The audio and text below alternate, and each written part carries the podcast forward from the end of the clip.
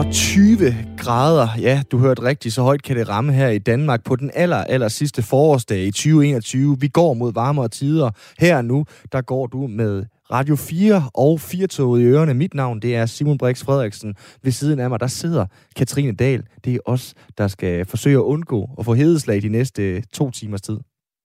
Tænker du ikke, det kommer til at gå?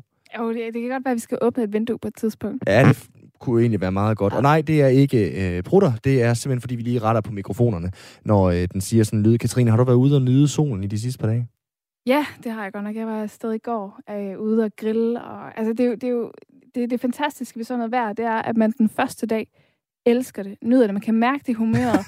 kan mærke, at øh, og, øh, ud og køber en masse solcreme. Og så dag to, så er det som om, nu begynder det egentlig at være lidt for varmt, eller...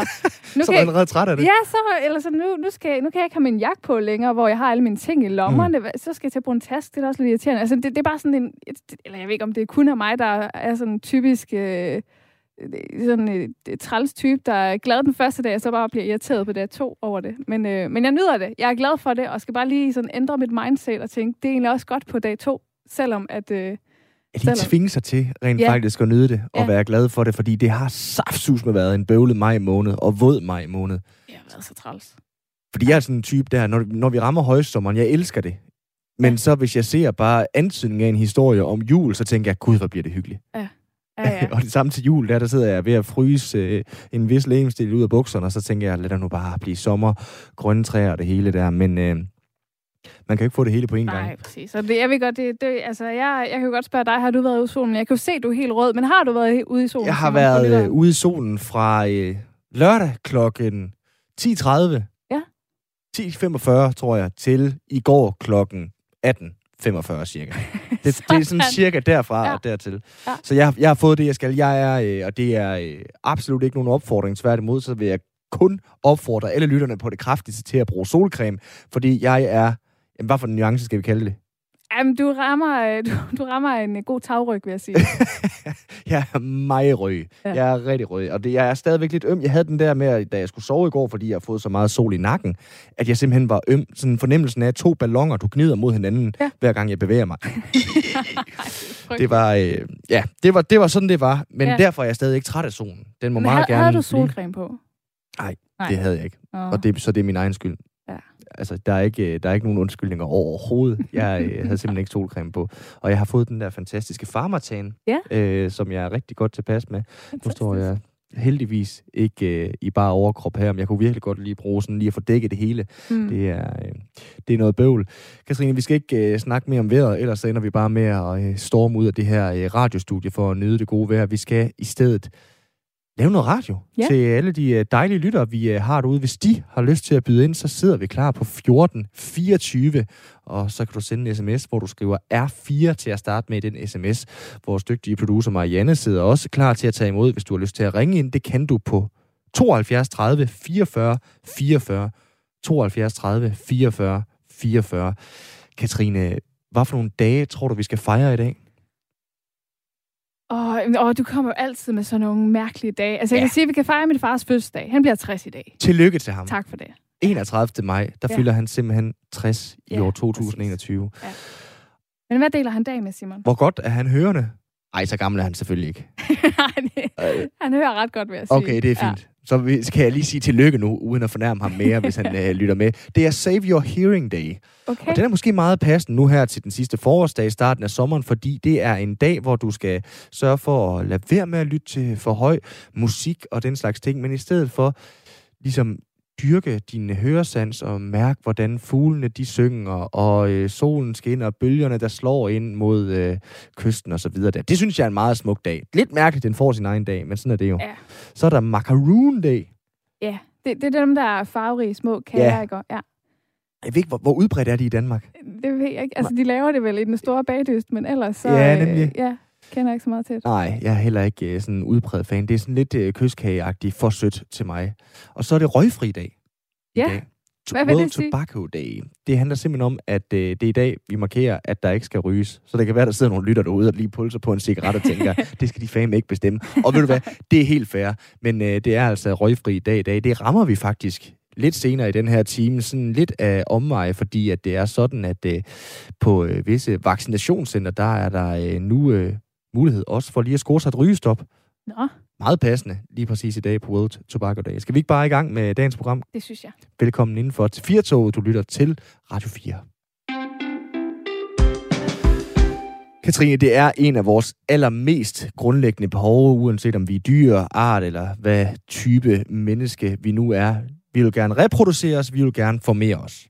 Pladsen på jorden den bliver ikke større, ikke engang i Kina, og derfor har Kina de sidste par år limpet deres restriktioner mod familieforøgelse. Det, der sådan populært sagt bliver kaldt etbarnspolitikken. I 2016 der blev den kendte etbarnspolitik således ændret til en tobarnspolitik.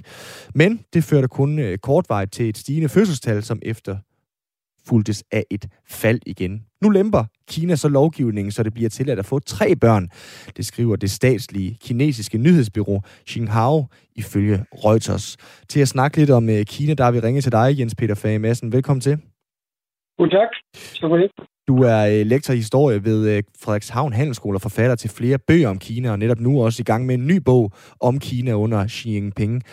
Hvorfor indførte man etbarnspolitikken tilbage i slut 70'erne, Jens Peter?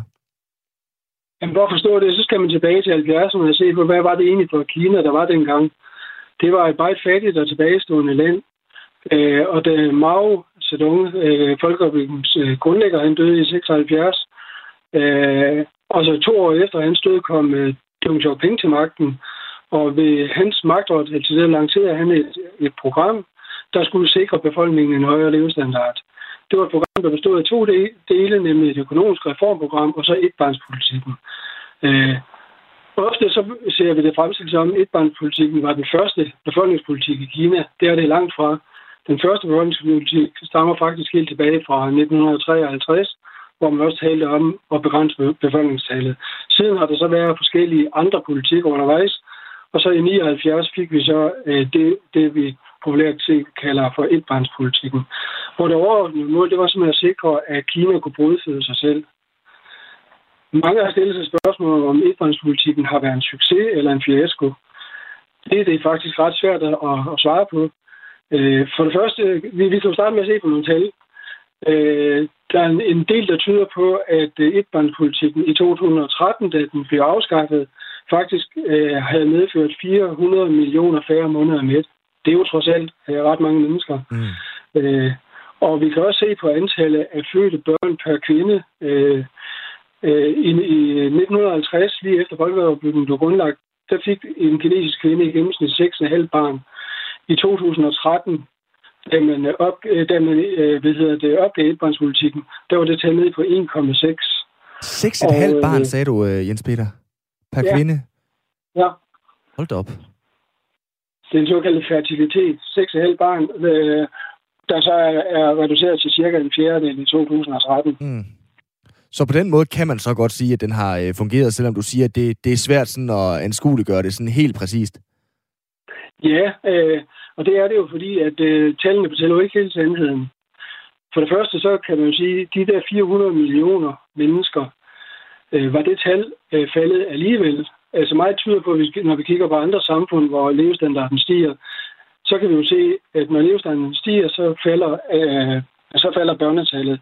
Og derfor er, det faktisk ikke usandsynligt, at det tal øh, havde været måske ikke 400 millioner, men øh, måske halvdelen, eller hvad ved jeg, øh, uden etbarnspolitikken. Mm. Og på den anden, så øh, fortæller tallene jo ikke ret meget om de menneskelige omkostninger, som etbarnspolitikken har haft.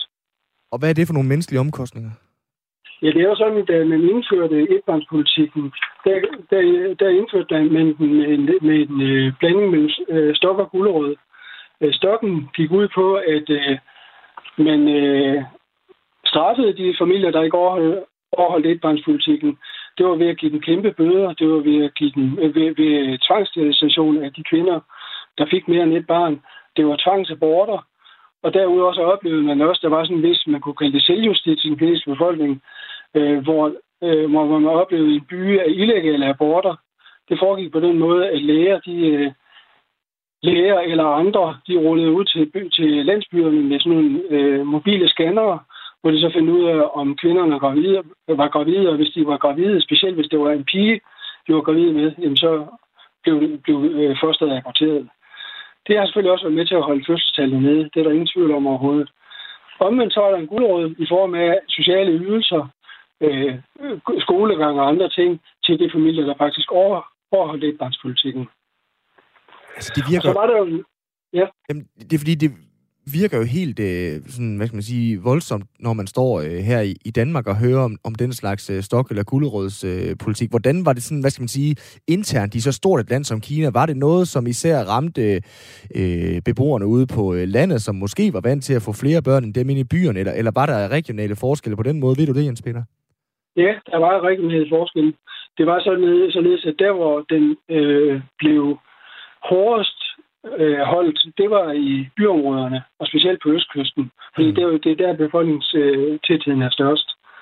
Øh, hvorimod det ude på landet var accepteret, at man ofte fik mere end et barn. Og det var også accepteret, at hvis det første barn øh, for eksempel havde en eller anden form for handicap, jamen så, så var det okay, at man havde to børn.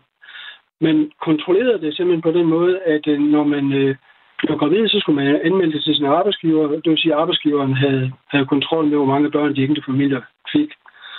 Øh, og dertil er der sådan en, en social kontrol i det kinesiske samfund. Også når man rejser rundt i Kina i dag, så kan man øh, for eksempel, hvis man går ind i et boligkvarter, se en mand eller en kvinde, ofte en ældre mand eller en ældre kvinde, sidde på en stol med et rødt armbind om armen. Det signalerer, at han, hun øh, simpelthen holder øje med, hvad der foregår i byen, eller, eller byområdet, og, og, og kan rapportere videre til, til myndighederne, de lokale øh, myndigheder eller de øh, regionale myndigheder. Og på den måde kunne man ligesom holde justits med befolkningen.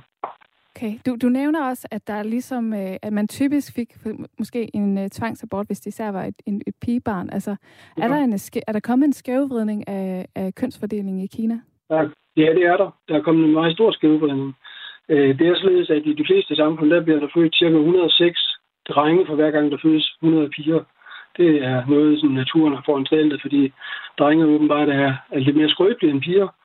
Øh, I Kina øh, har man i nogle perioder kunne registrere, at forholdet mellem, mellem drenge og piger var 120 til 100. Øh, og det betyder selvfølgelig, at når de her, øh, når de her mænd eller drenge så bliver unge mænd og skal giftes, så er der simpelthen ikke piger nok at vælge imellem. Øh, og det betyder, at en hel del af de her drenge øh, havner som øh, ugifte, og ugifte mænd har en meget, meget lav social status i det kinesiske samfund. Men, Men øh, ja. Et eller andet sted, altså, øh, Jens Peter, så er de jo øh, ja, langt over efterhånden 1,4 milliarder i, i Kina. Øh, og selvom der så er den her skævevridning af drenge og piger trods alt, men, men hvorfor er de øh, har haft brug for øh, flere, eller far brug for flere nu fremadrettet, kan man sige, med indførelsen af den her trebarnspolitik? En, en meget synlig ting, det er selvfølgelig at få arbejdskraft nok. Det er jo således, at øh, får man en faldende arbejdsstyrke, så får man højere lønomkostninger, og får man højere lønomkostninger, så får man højere priser på sin eksportvarer, og så får man en faldende eksport. Det er en del af forklaringen, men kun en del af forklaringen. Den anden del af forklaringen, det er, at øh, børnene har en forsørgerforpligtelse øh, over for forældrene. Øh, og kigger vi på befolkningssammensætningen i Kina sammenlignet med Danmark. I Danmark snakker vi meget om, at vi har en kommende ældre byrde. Øh, I Kina, hvis man har noget, så har man nærmest en ældre tsunami. Øh, fordi forholdet mellem, mellem øh, hvad hedder de unge og dem uden for arbejdsmarkedet, når vi kigger bare 20 år frem, er meget, meget, meget mere, mere skævt, end det er i Danmark. Og når man så dertil lægger, at de unge skal forsørge ikke alene dem selv og deres eventuelle børn, men også op til fire forældre, hvis det så er et ungt par, så kan man godt se, at det er et kæmpe problem for det kinesiske samfund. Det betyder, at det kinesiske samfund på et eller andet tidspunkt må etablere nogle systemer, hvor, hvor efter staten og de regionale myndigheder skal gå ind og være med til at løse den opgave. Men betyder det, at de står og mangler akut arbejdskraft på nogle specifikke øh, områder? Øh, ved du det, Jens Peter? Eller er det, øh, hvad kan man sige, i Danmark har vi jo i takt med også vores levestandard er hævet, jo også kunne holde arbejdskraften længere tid på arbejdsmarkedet øh, for, for nogle sektorers vedkommende? Nej, man tror ikke at mange arbejdskraft. Sådan, øh, man, kan ikke, man kan ikke sådan pege på nogle enkelte områder, hvor man mangler arbejdskraft. Det hænger også sammen med, at man i Kina har det, det man kalder den flydende arbejdskraft. Øh, og den flydende arbejdskraft består af folk fra, fra landet, der ikke legalt vandrer ind til byen og arbejder. Det er således, at man har et, et system i Kina, hvor man har, det hedder Hukou-systemet, hvor man bliver registreret efter, hvor man er født, og der, hvor man er født, det er der, man har ret til at bo øh, og arbejde og leve sit liv. Øh, man kan selvfølgelig, øh, hvis man skal i militærtjeneste, øh, eller hvis man skal tage en uddannelse, kan man få lov til at flytte ind i byen, ind til byen, og man kan altid få lov at flytte fra byen ud til landet, hvis det, hvis det er det, man gerne vil. Men øh, man, man oplever, at folk ude på landet, der ikke mere kan, øh, kan finde beskæftigelse, de vandrer ind til byen og arbejder i perioder, øh, og så placerer de deres børn hos deres øh, forældre, og så lever de ellers et øh, liv inde i byen. Ofte et meget, øh, meget spartansk liv, øh, hvor man bor øh, i midlertidige boliger med i telte og andre ting, og ikke får en særlig god løn. Men for mange er det måden at overleve på. I 2016, som sagt, der overgik man fra den her etbarnspolitik til en tobarnspolitik, som så kun kortvarigt førte til øh, et stigende fødselstal. Med den sådan autoritetstro tilgang, som mange jo et eller andet sted tænker, at kineserne har, hvordan tror du så, de vil tage imod den her øh, nye virkelighed med, med en trebarnspolitik? Ja, Altså, man, gjorde, man gik faktisk over til en tobarnspolitik allerede i 2013. Det var der, man vedtog den. Mm. Øh, men der var forudsætningen fra 13 til 16, at, at øh, en af forældrene var vokset op som enebørn. Var den ene af forældrene det, så måtte man få to børn. Og så i 2016, der gjorde man det til en generel politik for alle. Og når, hvis man så kigger frem, øh, om der vil komme mange flere fødsler, jeg tror ikke, man vil opleve et øh, stort fødselsboom. Det, det, det kan jeg ikke forestille mig.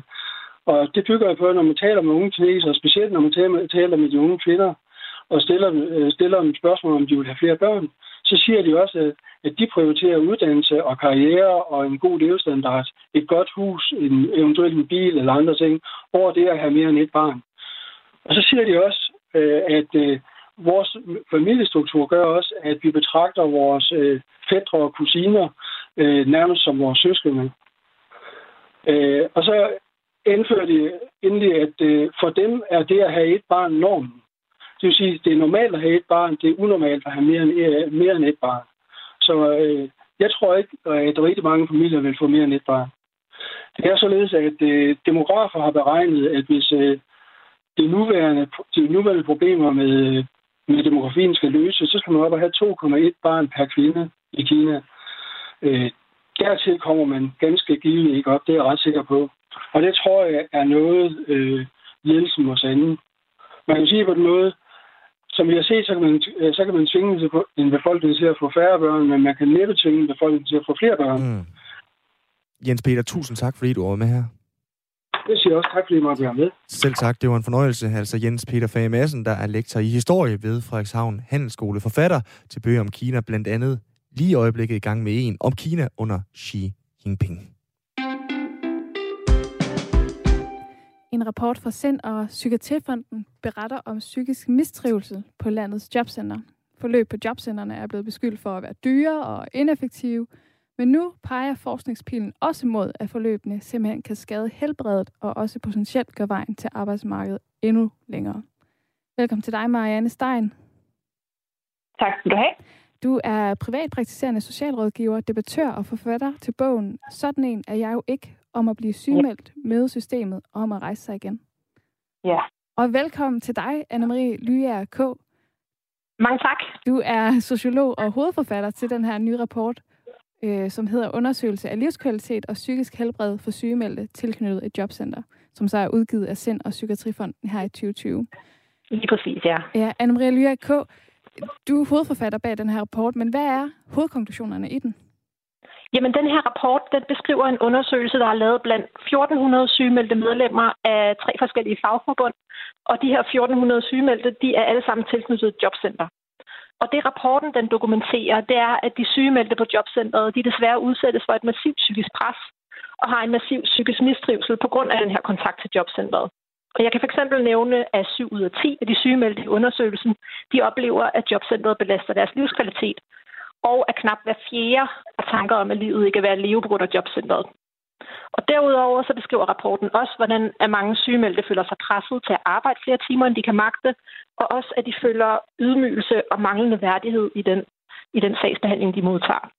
Og til slut så oplever næsten halvdelen af de adspurgte, at jobcentret ser bort fra lægeudtalelser, og også at jobcentret tildeler dem indsatser, de direkte oplever for hver deres helbred. Så derfor så tegner den her rapport altså et billede af, at kontakten til jobcentret er meget belastende for en stor del af de sygemeldte. Altså, hvordan kan det være, altså, hvordan er det muligt, at vi, har, vi accepterer det her i Danmark? Altså, når vi hører, at der er folk, som ja, nærmest øh, føler sig selvmordstroet af at være på et jobcenter? Jamen, det er også et spørgsmål, Marianne og jeg har stillet os selv. Øh, og det kan være meget svært at forstå. Som sociolog vil jeg sige, at jeg tror, det er fordi, at vi lever i en tid, hvor beskæftigelse generelt og det her ønske om, at alle skal have beskæftigelse, det fylder rigtig meget i de sociale indsatser. Og det er måske som om, at det er kommet lidt over i vores samfund, sådan at menneskers værdi nærmest bliver bedømt ud fra, om de er arbejdsdygtige og hvor meget de kan arbejde. Og det er jo nærmest sådan i dag, at det er en lille smule amoralsk og forkert ikke at arbejde, og det gælder også for folk, der er syge. Og det betyder så, at både fra jobcentrene og fra politisk hold, så er der det her meget store fokus på, at de sygemeldte skal arbejde så meget som overhovedet muligt. Og det betyder, at jobcentrene de har indsatser, hvor de sygemeldte virkelig bliver presset til det yderste, fordi man gerne vil være sikker, altså 110 procent sikker på, at den arbejdsevne, der er tilbage, den bliver udnyttet. Mm. Og den her afklaring og det her pres på den sygemeldte, det foregår over flere år. Men det er et pres, som sygemeldte, der jo ofte også er meget sårbare og nemt kan knække under. Med den konsekvens, at den arbejdsevne, de er tilbage, den forværres eller simpelthen forsvinder. Øh, hvem er det, som øh, det her altså jobcentrets system går mest ud over? Kan man se det, om der er nogen steder i Danmark, hvor det, øh, at det simpelthen er værre? Det, det er faktisk lidt interessant lige præcis det her med landsdele, fordi at det er stort set det samme. kan Altså, Region Hovedstaden er en lille smule værre end resten af landet, men kun en lille smule. Og øh, så problemerne i regionerne er, er nærmest ens, som er det, der er blevet undersøgt. Men derudover kan man sige, at jobcentrets system det går tiltalende ud, tiltagende ud over de sygemeldte, jo længere tid vi har været der. Og jeg kan give dig et eksempel. For eksempel de undersøgelsen, der har haft tilknytning til jobcentret på under et år. Blandt dem så er der 11 procent, der har tanker om, at livet ikke er værd at leve på grund af jobcentret. Men når man ser på sygemeldte, der har været tilknyttet jobcentret i 3-5 år, så har 33 procent, altså en tredjedel tanker om, at livet ikke er værd at leve på grund af jobcentret. Så tid, det er en faktor, der betyder rigtig meget. Så folk bliver tiltagende dårligere, jo længere tid afklaringen i mm. jobcentret står på. Et eller andet sted, øh, Anne-Marie, tænker du, at det her det er overraskende? Altså, når man, når man er hovedforfatter bag en rapport som den her, så har man selvfølgelig sat sig ind i tingene. Det er jo rart at høre, vi, vi kan høre, at du har det, men er, er du overrasket over, at folk har det så skidt med at være tilknyttet jobcentrene? Da jeg så de første resultater, der, altså, man har jo set mange historier rundt omkring i, i medierne med, altså, med beretninger for, hvad folk går igennem. Men at det var så voldsomt, det kom faktisk bag på mig. Mm. Det, kom, det kom faktisk bag på mig, fordi det er jo meget massivt, at så mange mennesker af en fjerdedel har tanker om, at livet ikke er værd at leve på grund af deres jobcenterforløb. Det er jo, altså, det er jo alt for voldsomt. Og, og det virker øh, jo helt grotesk højt. Altså, øh, fordi der, der er jo desværre øh, i også en periode nu her, nu er det heldigvis på vej, den, den rigtige vej, kan vi se på coronastatistikkerne, at folk er tilbage øh, i, i arbejde, men, men der ligger vel også en byrde der? Øh, jeg tror ikke jeg forstår dit spørgsmål. Nej, jeg ved heller ikke, om der var et spørgsmål. Men jeg tænker bare, at der har været så mange, der er blevet arbejdsløse under coronakrisen, som øh, måske er i kontakt med jobcentret, og stadigvæk vil være det fremadrettet. Og du siger, at det er især dem, der har været i kontakt med jobcentret over tid, som rammes af de her ting. Ja, men den her undersøgelse, det, den handler om sygemeldte. Mm. Det, er lige, det, det er vigtigt, så det er på den måde ikke almindelig ledige. Det er ikke den, som, øh, ah. øh, som jeg har undersøgt. Men i forhold til coronaepidemien, er der en lidt interessant krølle på det her. I forhold til, at jeg talte med en psykolog, som der øh, arbejdede på øh, Frederiksberg Hospital med behandling, som sagde, at de havde oplevet, at en masse af deres patienter med psykisk sygdom simpelthen var blomstret op under coronaepidemien, fordi at de ikke længere havde kontakten til jobcentret. Det var jo det synes jeg var meget tankevækkende. Mm. Mm. Og Marianne Stein, du er jo øh, privatpraktiserende socialrådgiver og debattør, så er du også forfatter til bogen. Sådan en er jeg jo ikke om at blive sygemeldt, møde systemet, om at rejse sig igen. Hvorfor, hvorfor er den her debat så vigtig? Jamen, det er den jo, fordi at øh, forholdene for syge i jobcenterne er fuldstændig underprioriteret øh, her i den offentlige debat. Øh, og det er nærmest som om, at øh, de syge de ikke eksisterer i vores politikers bevidsthed. Øh, og det kan vi jo se bare her i dag, hvor ydelseskommissionens anbefalinger øh, er blevet meldt ud øh, i forhold til et nyt ydelsessystem, hvor de syge på kontanthjælp, de er ikke nævnt med et ord. Øh, det skal blot betale sig at arbejde, og, men så ikke, er det jo bare ikke. Mm. Og Anne-Marie Øh, og så er det Lyer også vigtigt, også... og så- og så er Anne-Marie det også Lyer vigtigt K. kommer også lidt ind på det, men, men du, Ja. øh, Marianne Stein, du rådgiver jo også folk, der har sager i de her jobcenter. Og hvad, hvad er det så for et system, de kæmper imod? Jamen, de kæmper mod et system, hvor de bliver mødt med mistillid, og et system, hvor at det er utroligt beskæftigelsesorienteret og ressourceorienteret. Øhm, hvor at, øh, altså, der er meget lidt plads til netop det, der er årsagen til, at de overhovedet er endt i jobcentret, nemlig deres sygdom. Øh, man bliver indkaldt efter otte uger på sygdagpenge, og hvor der skal afkræves svar for, hvornår kan man vende tilbage til sit arbejde.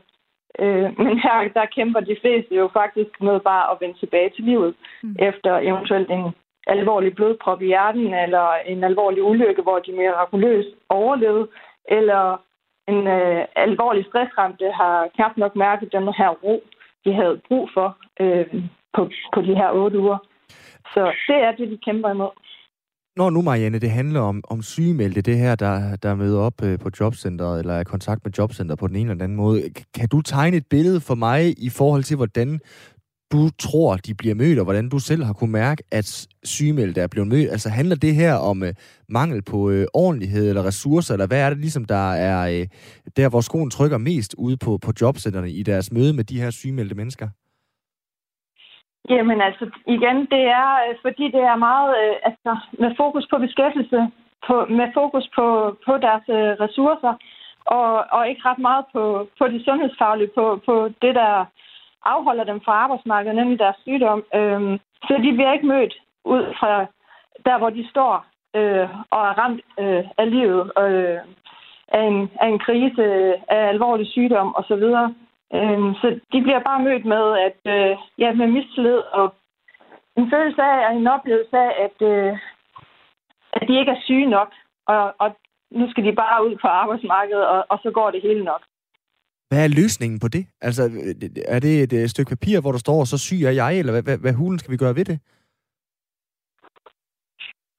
Altså, jamen, altså, som vi foreslår i os, øh, som der står i vores kronik, så, øh, mm. så mener vi jo, at øh, der er brug for en grundlæggende og gennemgribende reformering af det her system, øh, som sygemeldte de, de møder i dag.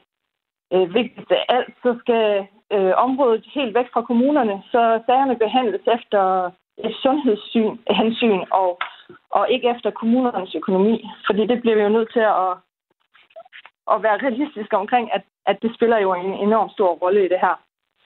Øh, og i stedet for at møde et jobcenter, der primært tænker i øget arbejdstid og sekundær sundhed, så skal borgerne møde et system, der primært tænker sundhed og først derefter beskæftigelse. Ja, vi har fået en sms fra René fra Mors, som skriver, det er så nedværdigende at komme som et menneske og få et nummer. Borger, øh. Ja. du har tid kl. 12.30, vent i hallen til du bliver kaldt ind.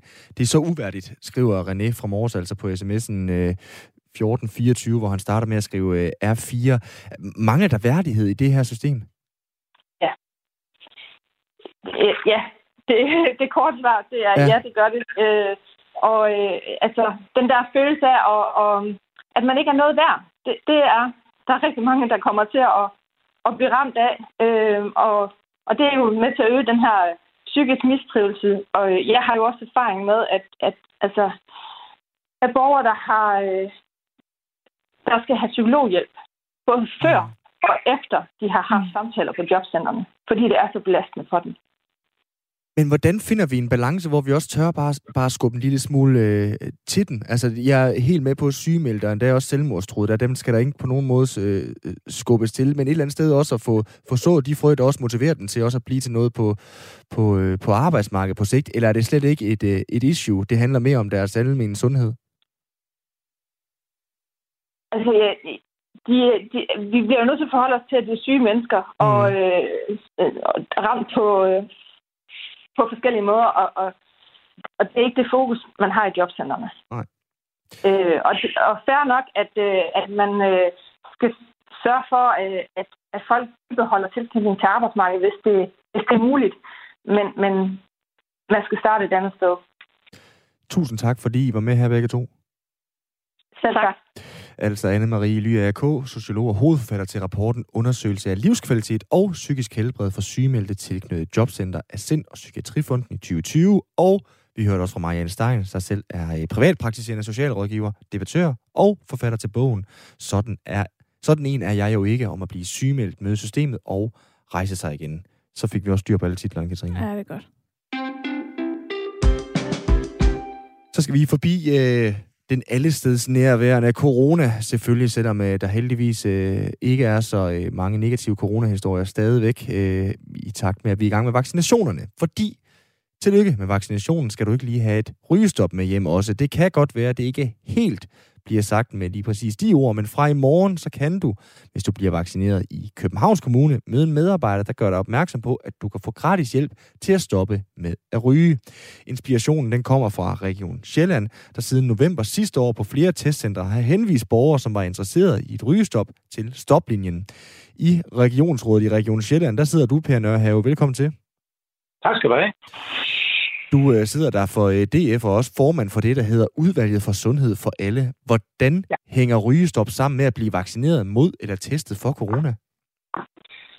Det er jo, som øh, det viser fra lægelig side, at hvis du er ryger, så får de virkninger, som, eller bivirkninger, eller symptomer, som, som du får, hvis du bliver ramt af corona, de er, de er altså øh, forværret, hvis du er ryger.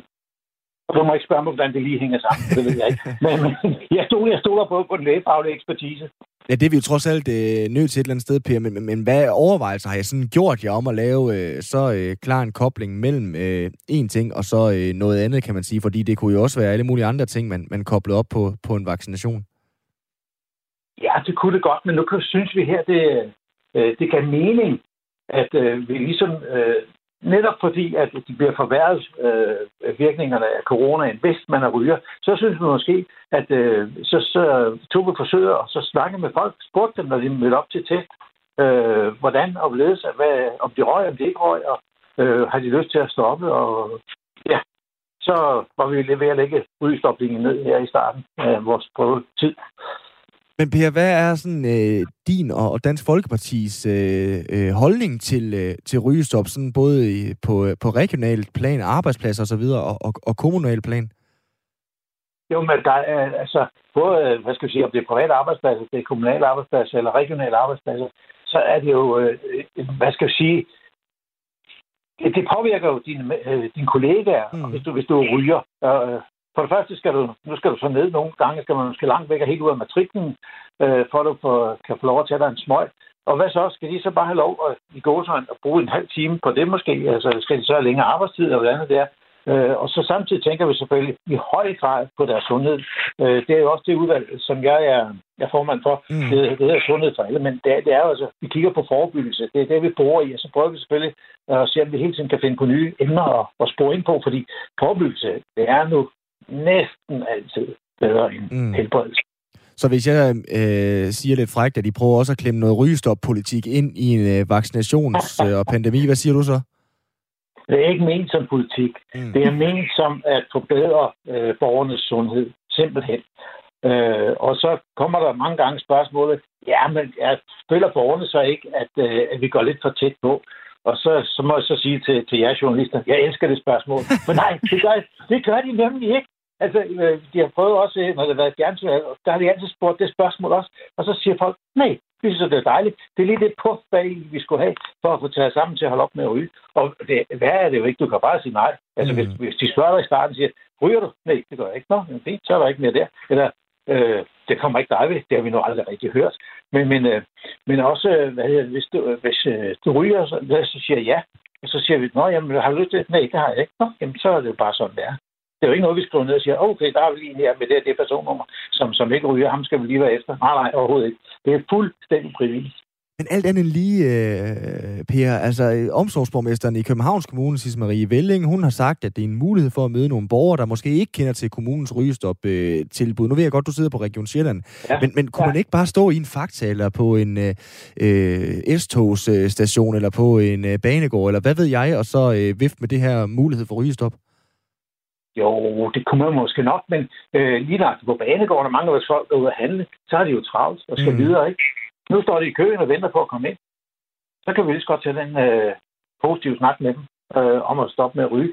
Øh, så så øh, vi, har, vi har heldigvis kun fået øh, positive tilkendegivelser. Er der andet, I vil begynde at tilbyde information om ved vaccinations- og testcentrene? Altså, der er jo meget public service i det. Sådan kan du tabe dig. Der er jo øh, husk at indberette ja. eller får du sorteret dit affald, den slags ting også. Ja, nej, det har vi ikke gået ind på. Øh, nu er det jo, det er regionen, der står for testcentrene ikke? og vaccinationscentrene. Øh, det med affald, det er jo kommunalt. Øh, og det med at gå ind om folk, skal vi så stå og vurdere, øh, hvem vi skal gå ind og snakke med om, øh, så synes den ene måske, den ene er, er overvægtig, og den anden synes ikke, at vedkommende er overvægtig. Skal vi så sidde og være dommer over det? Nej, det synes jeg ikke, vi skal. Altså det med rygestop, det, det kan du gå hen til fuldstændig frejligt. Du aner ikke, om vedkommende ryger eller ikke ryger. Øh, så det er fuldstændig åbent. Per Nørhave, tusind tak, fordi du var med her. Ja, velbekomme regionsrådsmedlem for Dansk Folkeparti og formand for udvalget for Sundhed for Alle, som det altså hedder på øh, region, i Region Sjælland. Spørgsmålet er jo så, om det her det virker. Generelt ja, er svaret, hvis man spørger dig, Nina Krog Larsen. Velkommen til. Mange tak. Du er leder af Stoplinjen. Hvorfor synes du, det her det er en god idé? Vi er jo glade, hver gang der er nogen, vi får kontakt til, som gerne vil have hjælp til rygestop, og som vi så kan få lov at hjælpe. Så øh, derfor synes jeg jo, det er en rigtig god idé. Og også fordi, at vi ved, at cirka 3 ud af 4 rigtig gerne vil holde op med at ryge. Men der er mange af dem, der ikke for det første ved, at man har størst chance for at faktisk få lagt cigaretterne på hylden, hvis man får rådgivning og bruger rygestopmedicin. Og, øh, og der er mange, der ikke ved, hvor at man kan få gratis hjælp. Mm.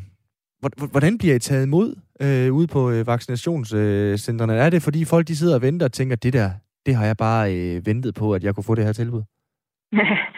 Stoplinjen er ikke dem, der er ude på centrene og, og spørger til rygning. Det er nogle af regionens medarbejdere i Region Sjælland og Københavns Kommune mm. i København. Men øh, vi, når, de så ble, når de taler med en medarbejder i regionen eller kommunen, øh, så sender dem, der så er interesseret i at høre om rygestop, de sender en sms til stoplinjen, og så ringer vi dem op inden for 1 til 5 hver dag. Mm. Og dem, vi får kontakt med, er oftest rigtig glade for tilbuddet. Har været glade for at blive mødt ude på øh, vaccinations- eller testcenteret, og glad for at få det der tilbud, fordi at det er jo, som Per også sagde, når det kører, som det skal, så er det jo et åbent tilbud, mm. som man kan takke ja til, hvis man har lyst. Og hvis man ikke har lyst, så er man lige så fri til at sige nej tak. Så det er ikke en, der er ikke nogen, der står derude og sælger, eller en stor motivationstale. Det er simpelthen bare, er du mm. interesseret? Så har vi et godt tilbud.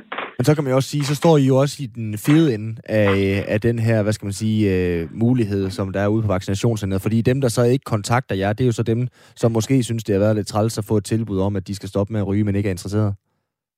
Jo, men det er jo ikke for at give folk altså sige til folk, at de skal holde op med at ryge. Det er at spørge, om de har lyst til at høre mere om, lyst til at få hjælp, eller lyst til at høre mere om mulighederne for hjælp. Så altså, vi oplever, du har ret, det er jo selvfølgelig dem, vi taler med, er jo dem, der når hele vejen igennem. Mm. Men de er helt overvejende rigtig tilfredse med tilbuddet. Der er også nogle af dem, vi taler med, som ombestemmer sig og siger, ej tak, vi er ikke interesseret alligevel, men som stadigvæk har oplevet det, som mm. har haft en god oplevelse. Og hvad fortæller I så dem, som ombestemmer sig? Der siger vi, at de er altid velkommen til at ringe, hvis de har lyst, og så må de have en rigtig god dag. Det er ikke vores, altså, det er jo ikke vores opgave, mm. om folk skal holde op med at ryge eller ej. Vi er der for at hjælpe dem, der ønsker at holde op med at ryge, og som, øh, som gerne vil have noget hjælp.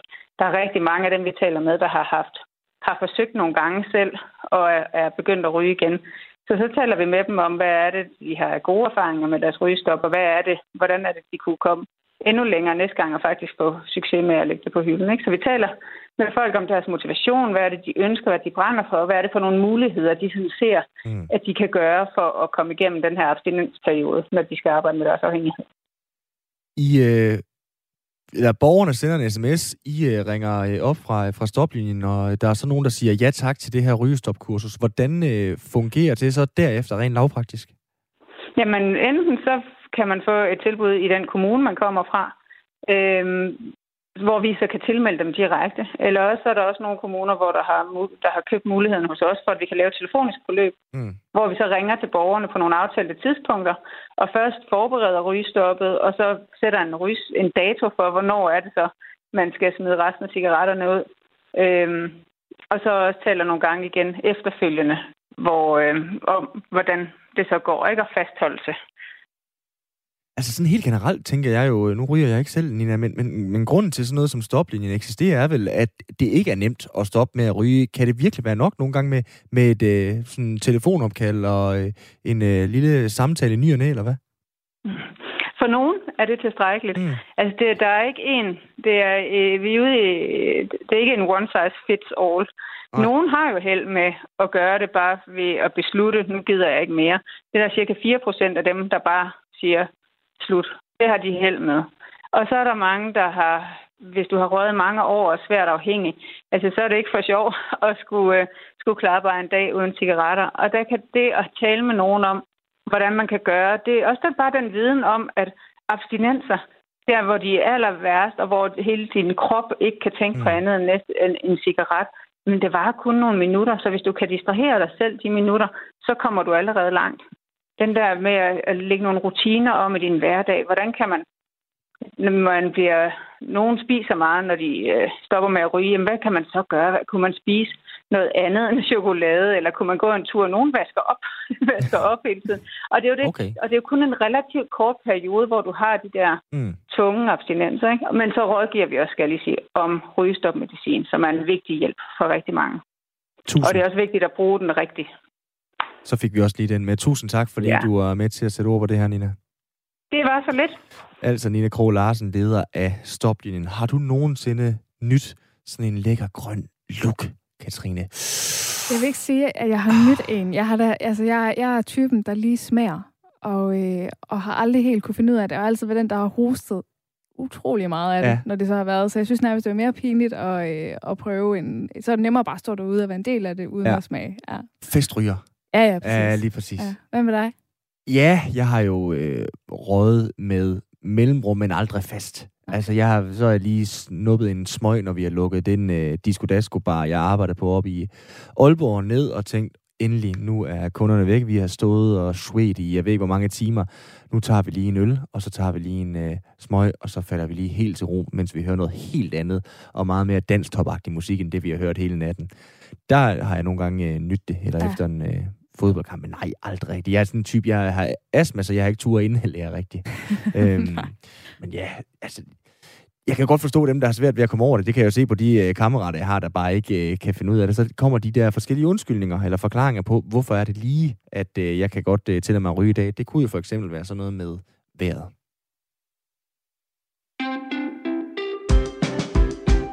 En lille tamarin-abe blev i weekenden set i Skødstrup.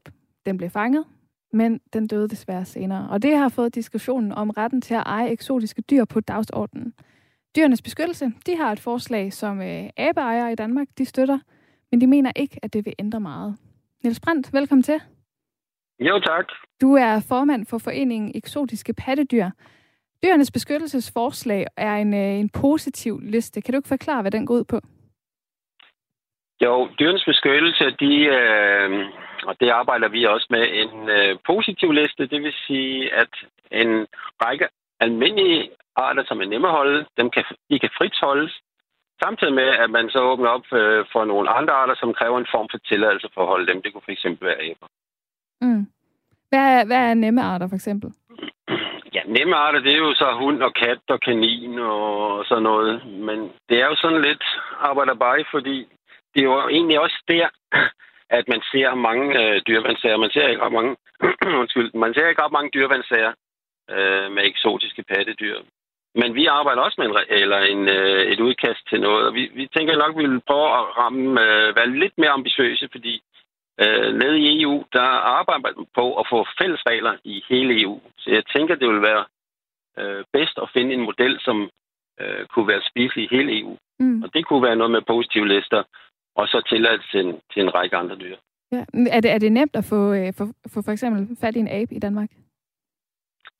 Øh, det er forholdsvis nemt. Altså, vi er, vi er jo en forening af, af medlemmer, der brænder for at holde øh, silkeaber. Og vi skal lige så fast, at silkeaber, det er, altså ikke, øh, det er altså ikke kæledyr. Det er simpelthen hobbydyr, som vi holder, som man holder fisk i et akvarie eller fugle i en voliere. Hvad er forskellen, øh, hvad er forskellen på kæle- og hobbydyr? Altså, vi definerer mere kæledyr som... Øh, altså, det er nogen, som man tager op og, kæler. Altså, typisk en kanin eller en kat eller en hund. Øh, det er sådan det typiske kæledyr. Altså, øh, aber tager man ikke ud, men øh, den betragter man. Så det er... Og der hobbydyr, der er det mere sådan på, på dyrenes vilkår, at man ligesom har dem. Hvorfor, så det, nu kommer det måske halvprovokerende ja. spørgsmål, så hvorfor hulen er det overhovedet tilladt så at have øh, hobbydyr, altså dyr, man bare skal kigge på? Altså er vi ikke så langt frem i 2021, at man ikke skulle have øh, sådan nogle, at de bare skulle have lov til at leve i naturen eller i zoologisk have under ordnet forhold? Øh, altså den måde, at vi holder dem på, de har jo været holdt lang tid. Det er jo ikke, det er jo ikke vilde dyr, det må vi slå fast, mm. at vi mm. holder. Det er jo nogen, der bliver opdraget gennem generationer, ikke også? Og der bliver jo holdt mange forskellige dyr. Og man kan selvfølgelig altid have holdning til, om man skal holde dyr eller ej. Øh, men øh, de er her, og, vi, og de er sådan set nemme nok at holde. Hvorfor det lige er sket her, i det her tilfælde, at det ikke er blevet holdt ordentligt, det er egentlig øh, lidt uheldigt og lidt en gåde, fordi der er masser af information, og vi går meget ud af, øh, og dem, øh, jeg har kontakt til, går meget ud af, at når man sælger til, til nye, der vil prøve kræfter med at holde øh, selskaber, spørge ind til deres viden, øh, til burforhold og sådan noget, til glæde simpelthen for alle, ikke også? Mm. Den her øh, positiv liste, som, øh, som, ja. øh, som EU så også skal til at gøre generelt for øh, store dele af Europa, tror du, den vil ændre noget? Jeg tror ikke, positivlisten i sig selv vil ændre noget. For som sagt, øh, der vil være en række dyr, som man så stadigvæk frit kan holde. Og der er jo masser af eksempler på hunde og katte og andre almindelige dyr, som ikke bliver holdt forsvarligt. Mm. Så der skal en eller anden form for information eller kursus. Folk skal vide, hvad det er, de går ind til. Mm. Og det gælder sådan set at holde alle dyr. Øhm, så så en, en model med noget information, altså informationerne findes jo allerede, men øh, der er jo lavet pasningsvejledninger til alle dyr og sådan noget, for eksempel. Ja. Men den kommer ligesom, den, den ryger igennem sin nogle steder åbenbart stadigvæk. Mm. Men det er meget sjældent, at vi oplever det her, men det er en rigtig uheldig sag og meget ulykkeligt. Ja, held, heldigvis sjældent, kan man jo sige, ja. Niels, uh, trods alt. Men alt andet lige, nu, nu siger du, der ligger vejledninger trods alt nu, og man kan håbe på, at en positiv list kan hjælpe på noget af problematikken. Men hvor svært er det at holde for eksempel sådan en tamarin eller øh, silkeabe, som i det her øh, tilfælde? Eller hvad skal der til for at kunne holde sådan en, øh, hvis man nu ikke er udlandet øh, dyrlæge? Jamen, man behøver faktisk ikke at være hverken hel eller halv professor eller dyrepasser, fordi øh, der er, der er selvfølgelig en grundviden, man skal vide. At Man skal vide, hvad, hvad kræver den af burforhold og, og fodring. Der er noget specielt fodring, de skal til. Men de er faktisk forholdsvis nemme at holde. Øh, og der altså, så, og vi øh, i foreningen, der sørger vi for, at vi har salg af specialfoder, så rigtig foder er nemt at komme til. Så den fornødne viden, den er der, så det er, det er ikke dyr, der er vanskeligt at holde. Det er det faktisk ikke. Mm. Det er ikke dyr, man holder i lejlighed, typisk. Det er nogen, som de optimale, det vil være, at man har dem i, i stort bur, voliere vil jeg hellere kalde det, ikke også? Og så har adgang om sommeren til at komme ud. Så problemet, den, det opstår, den, så problemet opstår, når man behandler hobbydyr som kæledyr? Problemet kan opstå ved, at der er, vi støder også en gang imellem på nogen, som efterspørger øh, aber, hvor man kan høre, at de ikke har viden, de har en idé om, hvordan man vil holde disse aber her.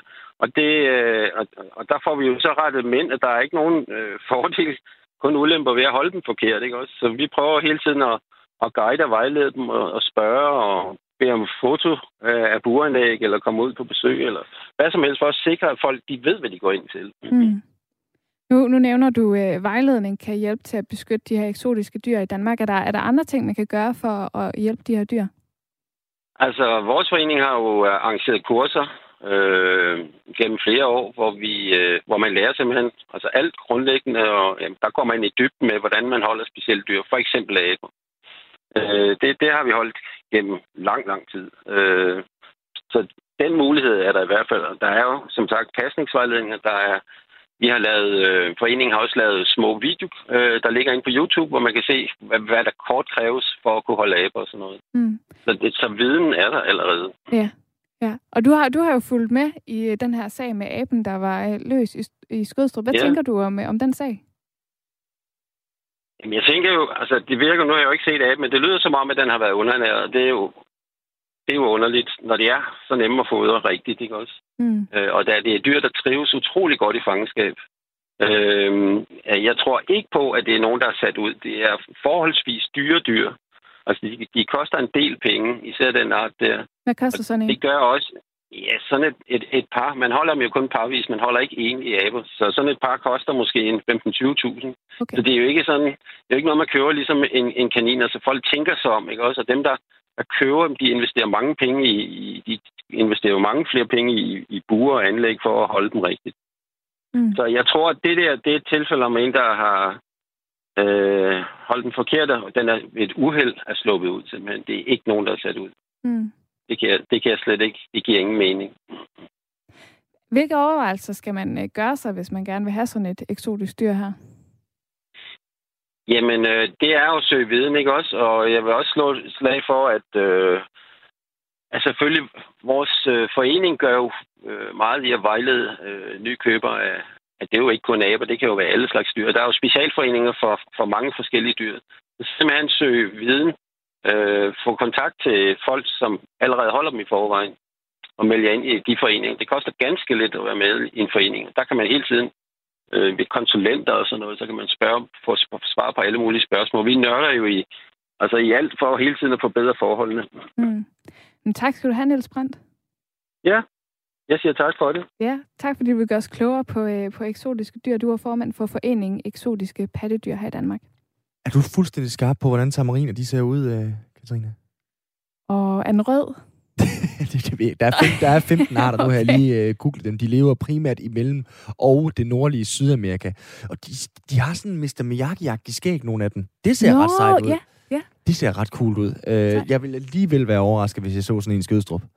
øh, trods alt. Ja. Har du nogensinde haft sådan eksotisk dyr? Har du, har du kæledyr af nogen art? Altså, vi har øh, hunde, katte, ja. øh, kaniner. Aldrig øh, vildere end det. Nej. Nej. Ikke, du har ikke sådan en akvarie der med en øh, kæmpe stor pyton, der øh, nogle gange skal luftes. Nej, det har vi Jeg har engang en kammerat, som øh, overnattede ved et bekendtskab, Mm. hvor der øh, vandrede en, øh, et fireben rundt om morgenen Ja. og rørte lidt på sig. Det er jo sådan min store skræk, hvis jeg lige pludselig kommer hjem til en, der holder et eller andet terrarie med et vildt, vildt klamt dyr, om det er en slange eller om det er en æderkop. Jeg vil nærmest ikke øh, kunne trække vejret derinde, så vil jeg storme ud med det samme igen. Er du bange for kryb? Jeg har en rationel øh, bekymring for dyr, som jeg ikke synes er særlig Rationel. spændende. Jeg, jeg kan ikke, øh, jeg, jeg, kan, jeg kan ikke lide æderkopper. Det kan jeg virkelig ikke. Ja. Dem, de, dem synes jeg er klamme. Jeg synes, det, ja, det er mest fordi, jeg synes, de er så udtryksløse der, man bare bevæger sig. Altså, det er virkelig en død på otte ben. Ja. Sådan har jeg det virkelig. Æderkopper er ulækre. Ja, ja det er Godt, så er den ligesom lukket. det kan vi. Nu var vi lige i Nord- og, og, og eller Mellem- og Sydamerika. Mm. Øh, jeg synes, vi lige bevæger os lidt længere ned her, inden øh, det er tid til nyhederne på Radio 4. Dem er der tre minutter til. Fordi i Peru, Ja. i Sydamerika, der er der valg lige i øjeblikket. Den øh, 6. juni, der øh, finder man ud af, om det er socialisten Pedro Castillo eller den konservative rivale Keiko Fujimori, som lever med valgsejren. Ja. Fujimori, han har tidligere været øh, præsident i øh, det sydamerikanske land, som jeg har boet i, og ret skal være ret. Rent politisk er det meget tumultarisk i øh, Peru. Ja. Og øh, derfor tænker jeg måske også, at øh, det kan være svært at være valgforsker i Peru. Og det er så blevet bekræftet i dag, fordi nu har de simpelthen valgt i Peru, at øh, shamaner skal agere valgforskere i øh, Peru. Shamaner. Shamaner. Øh, og når man tænker Peru, det er inkaer øh, og shamaner, øh, indianer, øh, shamaner, øh, det er jo typisk øh, sådan nogle øh, lange, mørkhårede, nogen med øh, pandebånd på. Pandebånd, ja. som godt kan ligne øh, farverne fra det homoseksuelle flag. Men det er simpelthen fordi, at Cusco, hvor inkaerne de er fra, de har samme flag som øh, de homoseksuelle. Så det ser Åh. virkelig sjovt ud, at de står og danser der med en panfløjte, og så siger de, at det bliver Fujimori, der vinder. I øjeblikket, så fører øh, Castillo, ser det ud til Pedro Castillo, øh, socialisten, øh, som gerne vil indføre en del forfatningsændringer, han fører ifølge de gængse valgforskere. Hvad siger shamanerne så? Det, det er jo det. Altså, de, de siger, at det bliver enten eller. Altså, det, det, det, det, det er så latterligt, fordi det er BT, der har øh, historien i, i deres gratisavis i dag. Øh, men, men de siger, at de ikke rigtig ved det endnu. Øh, de har forskellige bud på vintervilden, hvor jeg tænker, altså så kan jeg sgu også blive valgforsker. Jamen, altså, vi er enige om, at shamaner, det er sådan nogen, øh, der ligesom kontakter ånderne og, Ja, ja. og laver, jeg snakker med dem og får at vide øh, af forfædrene, hvad, hvad, hvad der Ja. kommer til at ske. Okay. Du har fuldstændig ret. Ja. Og de øh, har simpelthen øh, taget noget øh, røgelse, og så har de fundet ud af, hvem det er, der skal vinde. Og så kommer de så med to forskellige bud. Det er selvfølgelig, øh, det er selvfølgelig bøvlet. Der var et South Park-afsnit, der tog lidt øh, pis på de her shamaner også på et tidspunkt der, fordi det er jo, det er jo spøjsland Peru. Øhm, men alle dem, der spiller panfløjter og shamaner i øh, Peru, de beskytter mod en invasion af guinea pigs. Har du set det afsnit? Nej. så bliver det eddermame med en tynd reference, det her. Skal vi så ikke bare øh, sige, at vi øh, venter øh, med at se, hvem der får ret, om det er shamanerne eller de øh, gængse valgforskere, når nu der er valgt i Peru den 6. juni. Så er der faktisk ikke så meget mere tilbage. Første time af øh, Firtoget. Så har vi både været i Kina og i Peru Ja. og snakket aber. I øh, næste time, der øh, har vi selvfølgelig 55 minutters radio til øh, dig. Vi øh, skal ligge en øh, form for kabale, hvor vi finder ud af, hvor alle de europæiske toptrænere i fodbold, de skal være trænere næste år, fordi det er noget af et matrix-system, der skal stilles op øh, der. Alt det og meget mere, når vi er tilbage efter nyhederne på Radio 4. De var fem minutter, hvor vi hviler vores stemme på den Katrine Dahl og Simon Brix Frederiksen er tilbage efter nyhederne her nu, der er klokken 16.